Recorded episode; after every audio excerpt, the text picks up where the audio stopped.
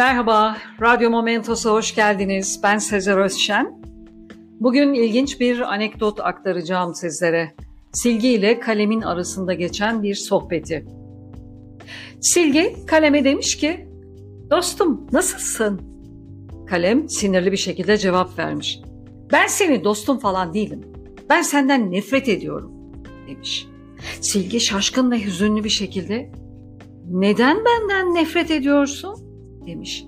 Kalem demiş ki çünkü sen yazdıklarımı siliyorsun. Silgi ben sadece yanlış yazılan şeyleri siliyorum. Kalem cevap vermiş. Bundan sana ne ki? demiş. Silgi cevap vermiş. Çünkü bu benim görevim demiş. Kalem cevap vermiş. Bu yaptığın görev filan değil. Silgi, benim yaptığım iş senin yaptığın kadar faydalı. Kalem cevap vermiş. Hayır, sen hatalısın ve kendini beğenmişsin.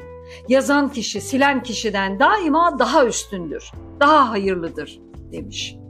Silgi ise şöyle cevap vermiş.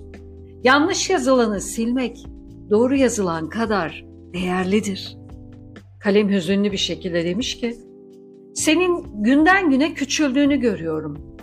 Silgi, her bir hatayı düzelttiğimde kendimden bir şeyler feda ediyorum demiş. Kalem ise şöyle cevap vermiş. Ben de günden güne kısaldığımı hissediyorum.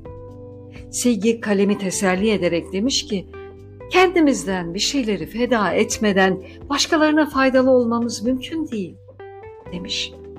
Daha sonra Silgi kaleme duygusal bir şekilde bakarak ''Hala benden nefret ediyor musun?'' diye sormuş. Kalem de gülümseyerek ''Ortak noktamız olan fedakarlık bizi bir araya getirmişken senden nasıl nefret edebilirim ki?'' demiş.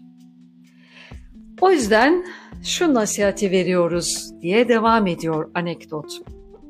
Eğer başkalarının mutluluğunu yazabilecek bir kalem olamıyorsan bari hiç değilse hüzünlerini silebilecek bir silgi ol ve dostlarının kalplerine daima umut aşıla. Dinlediğiniz için teşekkürler. Hoşçakalın. Radyo Momentos'ta kalın.